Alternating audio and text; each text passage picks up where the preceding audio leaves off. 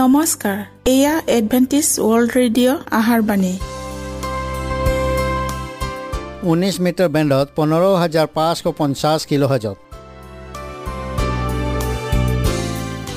Adventist World radio যোগে অসমীয়া ভাষাত প্ৰচাৰিত আহাৰবাণী প্ৰত্যেক বুধবাৰ আৰু দেওবাৰ সন্ধিয়া সাত বজাত আহাৰবাণী শুনাৰ পিছত আপোনালোকৰ কিবা মন্তব্য আৰু প্ৰশ্ন থাকিলে আমালৈ এই ঠিকনাত লিখক। আমাৰ ঠিকনাটি হৈছে Adventist world radio' seven day Adventist মণ্ডলী অসম শাখা লতাকাটা বশিষ্ট গুৱাহাটী সাত আঠ এক শূন্য দুই ন।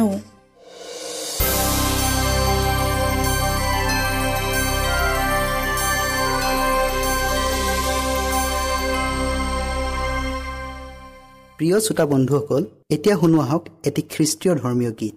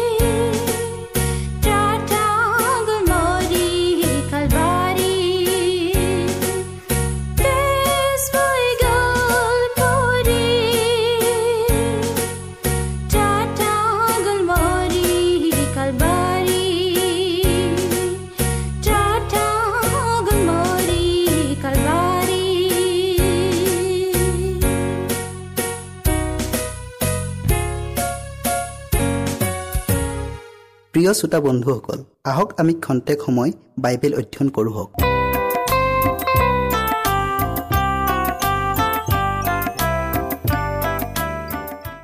প্ৰিয় শ্ৰোতাসকল আজি আমি জীৱন ৰেকৰ্ডৰ সন্মুখীন হোৱা এই নতুন বিষয়টোলৈ অধ্যয়ন কৰোঁ হওক। অধ্যয়ন কৰাৰ আগতে আমি প্ৰাৰ্থনা কৰোঁ হওক। হে জীৱনময় গৰাকী কৰোণাময় ঈশ্বৰ হোৱা তোমাৰ নাম ধন্যবাদ হওক। প্ৰভু এতিয়া আমি বিশেষ বিষয় জীৱন ৰেকৰ্ডৰ সন্মুখীন হোৱা এই বিষয়টিলৈ অধ্যয়ন কৰিবলৈ আগবঢ়াইছোঁ। সেই নিমিত্তে প্ৰভু তুমি আমাৰ লগত থাকা আৰু শেষলৈকে চলাই নিয়া। প্ৰত্যেক শ্ৰোতাৰ লগত তুমি পবিত্ৰ আত্মাৰ যোগেদি থাকা আৰু হৃদয় স্পৰ্শ কৰি দিয়া। যীশুৰ নামত খুজিলোঁ আমেন। পাছে মই চাই থাকোঁতে থাকোঁতে দেখিলোঁ কেইখনমান আসন স্থাপন কৰা হ'ল আৰু অনাদি কালৰে পৰা থকা জনা বহিব। তেওঁৰ বস্ত্ৰ হিমৰ নিচিনা বগা আৰু চুলি ভেড়াৰ শুদ্ধ নোমৰ নিচিনা। তেওঁৰ সিংহাসন অগ্নিশিকা তাৰ শত্ৰুবোৰ জ্বলন্ত জুই। তেওঁৰ সন্মুখৰ পৰা এখন অগ্নিৰ নৈ ওলাই বৈ গৈছিল। হাজাৰ হাজাৰে তেওঁৰ পৰিচৰ্যা কৰিছিল আৰু অযুত অযুতে তেওঁৰ আগত থিয় হৈ আছিল। পাছে বিচাৰ সভা বহিল আৰু পুতিবোৰ মেলা হ'ল। দানিয়েল সাত অধ্যায়ৰ নৌ আৰু দহ পদত আপোনালোকে চাওক। এনেকৈয়ে সেই মহান আৰু অতি গাম্ভীৰ্যতাৰ দিনটোৰ দৃশ্যটোক ভাৱবাদীগৰাকীৰ দৰ্শনত দেখুওৱা হৈছিল। যিটো দিনত মানুহৰ চৰিত্ৰ আৰু জীৱনবোৰক সমগ্ৰ জগতৰ বিশ্বাৰৰ সন্মুখত পুনৰাই পৰ্যবেক্ষণ কৰা হ'ব আৰু প্ৰতিজন মানুহে নিজ কৰ্ম অনুসাৰে পাবলগীয়া পুৰস্কাৰ অথবা কৰ্মফল লাভ কৰিব। অনাদি কালৰে পৰা থকা জনাই হৈছে পিতৃ ঈশ্বৰ। গীত ৰচকে কৈছে পৰ্বতবোৰ উৎপন্ন হোৱাৰ আগেয়ে তুমি পৃথিৱী আৰু জগত সৃজন কৰাৰ পূৰ্বে অনাদি কালৰ পৰা অনন্ত কাললৈকে তুমিয়ে ঈশ্বৰ। গীতমালা নব্বৈ অধ্যায়ৰ দুই পদত তেওঁৱে সকলো বস্তুৰ উৎস আৰু সোধ বিচাৰত প্ৰয়োগ কৰিবলগীয়া বিধানৰ মূল জনাওঁ তেওঁৱে আৰু এই মহান বিশ্বাৰৰ দিনাখন হাজাৰ হাজাৰ আৰু অযুত অযুত পবিত্ৰ স্বৰ্গদূতগণ পৰিচাৰক আৰু সাক্ষী হিচাপে উপস্থিত থাকিব।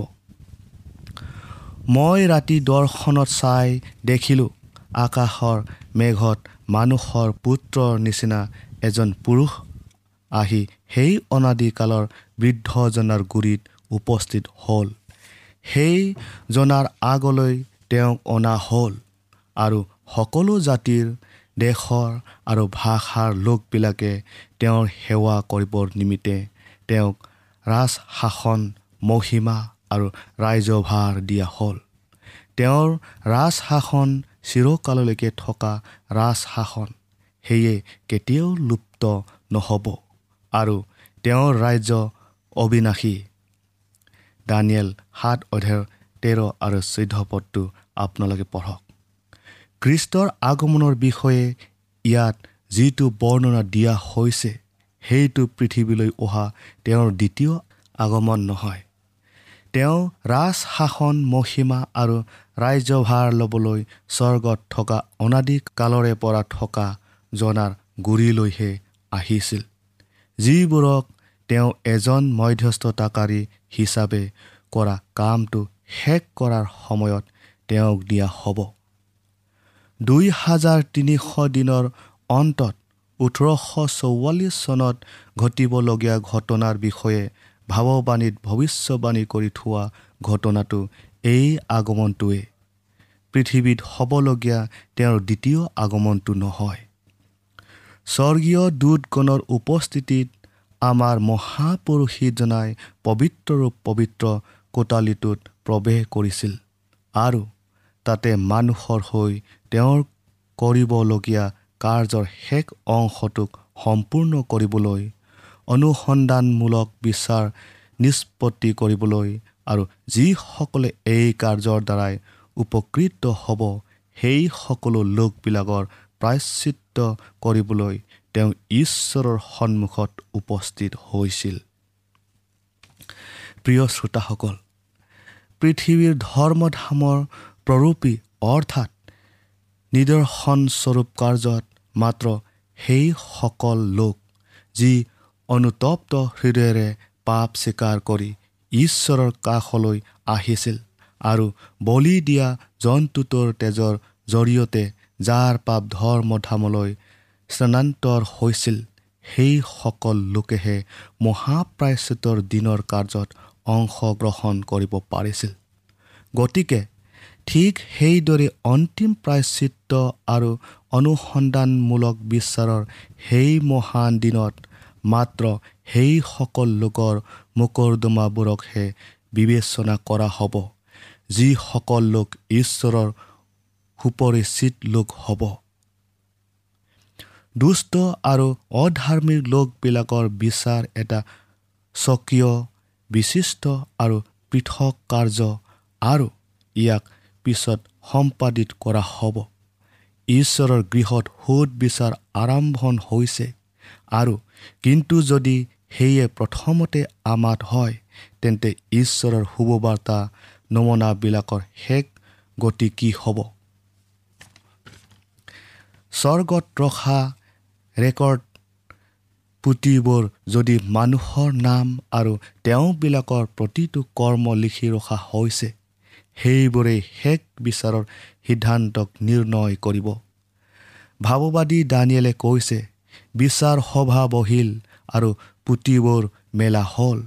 সেই একেটা দৃশ্যৰ বিষয়ে প্ৰকাশিত বাক্যৰ লিখকগৰাকীয়ে এইদৰে বৰ্ণনা কৰিছে। পাছে কেইখনমান পুস্তক মেলা হ'ল আৰু জীৱন পুস্তক নামেৰে আন এখন পুস্তকো মেলা হ'ল। আৰু সেই পুস্তকবোৰত লিখা মতে মৃত্যুবিলাকৰ নিজ নিজ কৰ্ম অনুসাৰে সোধ বিচাৰ কৰা হ'ল প্ৰকাশিত বাক্য বিছ অধ্যায়ৰ বাৰ পদত। যিসকলে কেতিয়াবা ঈশ্বৰৰ কাৰ্যত নিজকে নিয়োগ কৰিছিল তেওঁবিলাকৰ নাম জীৱন পুস্তকত লিখা হ'ল। যীশুৱে নিজৰ শিষ্যসকলক এই বুলি কৈছিল আনন্দ কৰা কিয়নো তোমালোকৰ নাম স্বৰ্গত লিখা হ'ল। পৌলে তেওঁৰ বিশ্বাসী সহকৰ্মীসকলক এইদৰে কৈছে যে তেওঁবিলাকৰ নামবোৰ জীৱন পুস্তকত লিখা আছে। ফিলিপিয়া চাৰি অধ্যায়ৰ তিনি পদত আপোনালোকে পঢ়ক। দানিয়েলে তেওঁৰ জীৱনকালৰ পৰা ভৱিষ্যতলৈ চাই পঠিয়াই মহাক্লেৰৰ সময়টোক দেখিছিল। যিটো কোনো কালেও ঘটা নাই আৰু ঘোষণা কৰিছে যে জীৱন পুস্তকত যাৰ যাৰ নাম লিখা আছে সেই প্ৰতিজন ঈশ্বৰৰ মানুহক তেওঁ সেই মহাক্লেশৰ পৰা উদ্ধাৰ কৰিব। আৰু প্ৰকাশক জোহনে এইদৰে ঘোষণা কৰিছে কেৱল যিবিলাকৰ নাম সেই মেৰ পোৱালীৰ জীৱন পুস্তকত লিখা আছে তেওঁবিলাকেহে ঈশ্বৰৰ নগৰত সোমাব। দানিয়েল বাৰ অধ্যায়ৰ এক পদ আৰু প্ৰকাশিত বাক্য একৈছ অধ্যায়ৰ সাতাইছ পদটো আপোনালোকে পঢ়ক। জিহুৱাক ভয় কৰোতাবিলাকৰ আৰু তেওঁৰ নাম ধ্যান কৰোতাবিলাকৰ অৰ্থে তেওঁৰ আগত এখন স্মৰণাৰ্থক পুতি লিখা হ'ল। তেওঁবিলাকৰ প্ৰতিটো শব্দ তেওঁবিলাকৰ প্ৰেমৰ প্ৰতিটো কৰ্ম স্বৰ্গত লিখি ৰখা হ'ল। হে মোৰ ঈশ্বৰ এই বিষয়ে মোক সোঁৱৰণ কৰা আৰু মই নিজ ঈশ্বৰৰ গৃহৰ অৰ্থে আৰু তাৰ নিমিত্তে কৰিব লগা কাৰ্যৰ অৰ্থে মই কৰা মোৰ উত্তম কাৰ্যবোৰ মচি নেপেলাবা বুলি কওঁতে নহিমিয়াই ইয়াকে উনুকিয়াই দিছিল। নহিমীয়া তেৰ অধ্যায়ৰ চৈধ্য পদত। ধাৰ্মিকতাৰ প্ৰতিটো কামৰ ঈশ্বৰৰ এই স্মৰণাৰ্থক পুতিত অমৰ কৰি ৰখা হৈছে। ইয়াকে কৰোঁতে পৰীক্ষা প্ৰলোভন প্ৰতিৰোধ কৰা প্ৰতিটো অসৎ অধাৰ্মিকতাৰ জয় কৰা কাৰ্য মৰম প্ৰেমৰ সহানুভূতিৰ প্ৰতিহাৰ মতে প্ৰত্যেকটোৰ বিষয়ে অতি বিশ্বাসযোগ্যতাৰে বিৱৰণ দাঙি ধৰা হৈছে। আৰু কৃষ্টৰ কাৰণে কৰিবলগীয়া হোৱা প্ৰতিটো আত্মবলিদানৰ কাৰ্য আৰু সহিবলগীয়া হোৱা প্ৰতিটো দুখ কষ্ট অপমান সকলোকে লিপিবদ্ধ কৰি ৰখা হৈছে। গীত ৰচকে কৈছে তুমি মোৰ ভ্ৰমণৰ লেখা লৈছা। তুমি মোৰ চকুলো তোমাৰ কৃপাত বন্ধ কৰি ৰাখা। সেইবোৰ তোমাৰ বহীত নাইনে? মানুহৰ পাপৰ হিচাপ ৰখা আৰু এখন পুস্তকো আছে। কাৰণ ঈশ্বৰে ভাল কি বেয়া আটাইবোৰ গুপুত বিষয়ে সৈতে সকলো কৰ্ম বিচাৰ স্থানলৈ আনিব। ত্ৰাণকৰ্তা জনাই কৈছে কিয়নো তুমি নিজৰ বাইকৰ দ্বাৰাই নিৰ্দোষী নাইবা নিজৰ বাইকৰ দ্বাৰাই দোষী বুলি গণিত হ'বা। প্ৰতিটো গুপুত উদ্দেশ্য আৰু মতলব সেই নিৰ্ভুল পুতিত ওলাই পৰিব। কাৰণ ঈশ্বৰে আন্ধাৰৰ গুপুত বিষয়বোৰ পোহৰলৈ আনিব আৰু হৃদয়ৰ মন্ত্ৰণাবোৰ প্ৰকাশ কৰিব। চোৱা মোৰ আগত এয়ে লিখা আছে তোমাৰ অপৰাধ আৰু তোমালোকৰ পূৰ্বপুৰুষবিলাকৰো অপৰাধ ইয়াক যীশুৱাই কৈছে। যীশুৱে পঁয়ষষ্ঠি অধ্যায়ৰ ছয় আৰু সাত পদটো আপোনালোকে পঢ়ক।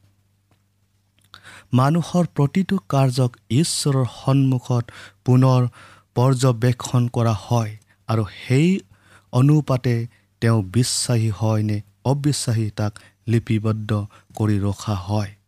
স্বৰ্গৰ সেই পুস্তকখনত লিখা প্ৰতিটো নামৰ বিপৰীতে প্ৰতিটো অমাৰ্জিত অশ্লীল বাক্য স্বাৰ্থপৰায়ণতাৰ প্ৰতিটো কাৰ্য কৰ্তব্য হেলাৰ প্ৰতিটো আধৰুৱা কাৰ্য আৰু প্ৰতিটো গোপন পাপক এনে সঠিকভাৱে লিখি ৰখা হৈছে।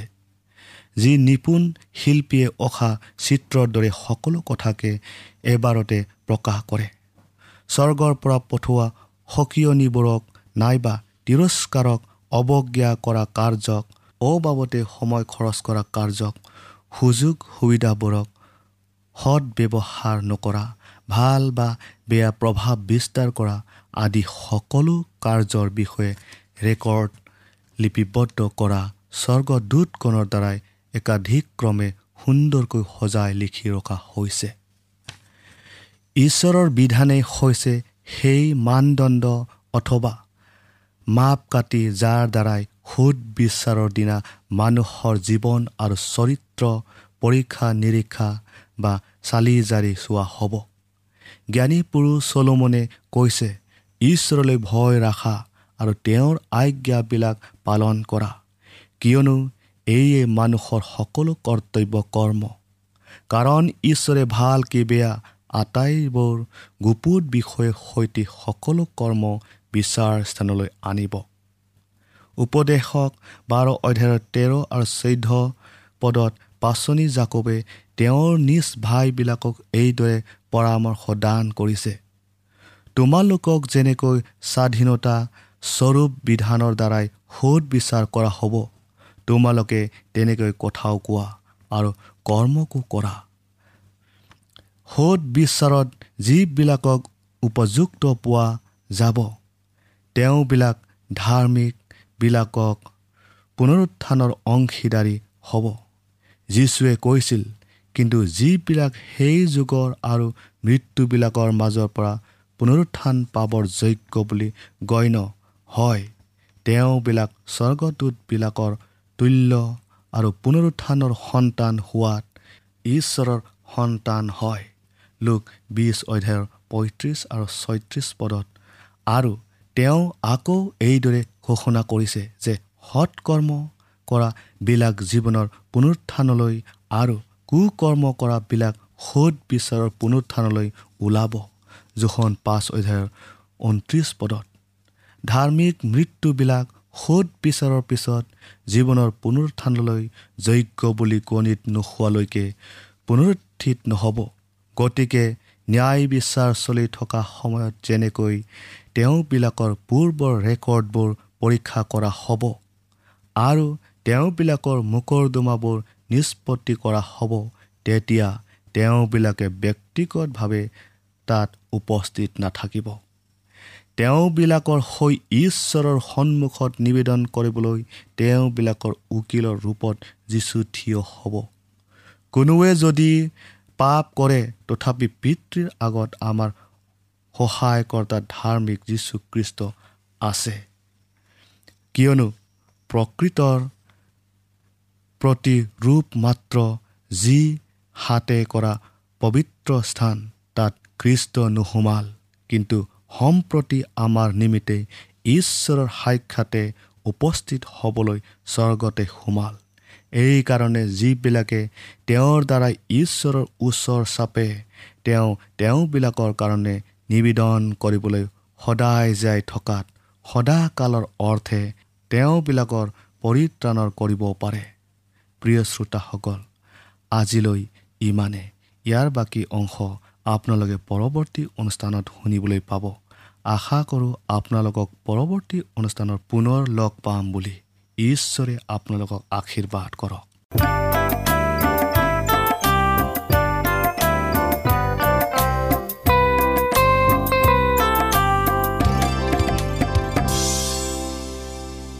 ইমানপুৰে আমি বাইবেল অধ্যয়ন কৰিলোঁ। এতিয়া আকৌ শুনো আহক এটি খ্ৰীষ্টীয় ধৰ্মীয় গীত।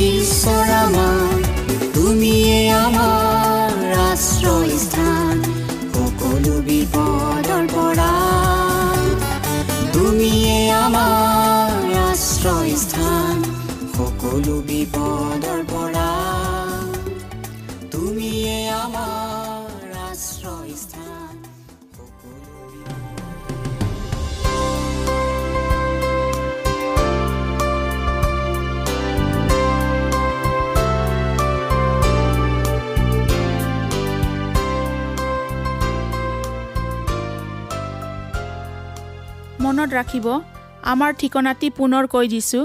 Adventist world radio' Assam region of seven day Adventist voice of hope Latakata Basistha Guwahati seven eight one zero' two nine প্ৰিয় শ্ৰোতা বন্ধুসকল এডভেণ্টিজ ৱৰ্ল্ড ৰেডিঅ' যোগে আহাৰবাণী প্ৰচাৰত আপোনালোকক পুনৰ লগ পোৱাৰ আহাৰে আজিলৈ সামৰিলোঁ। ধন্যবাদ।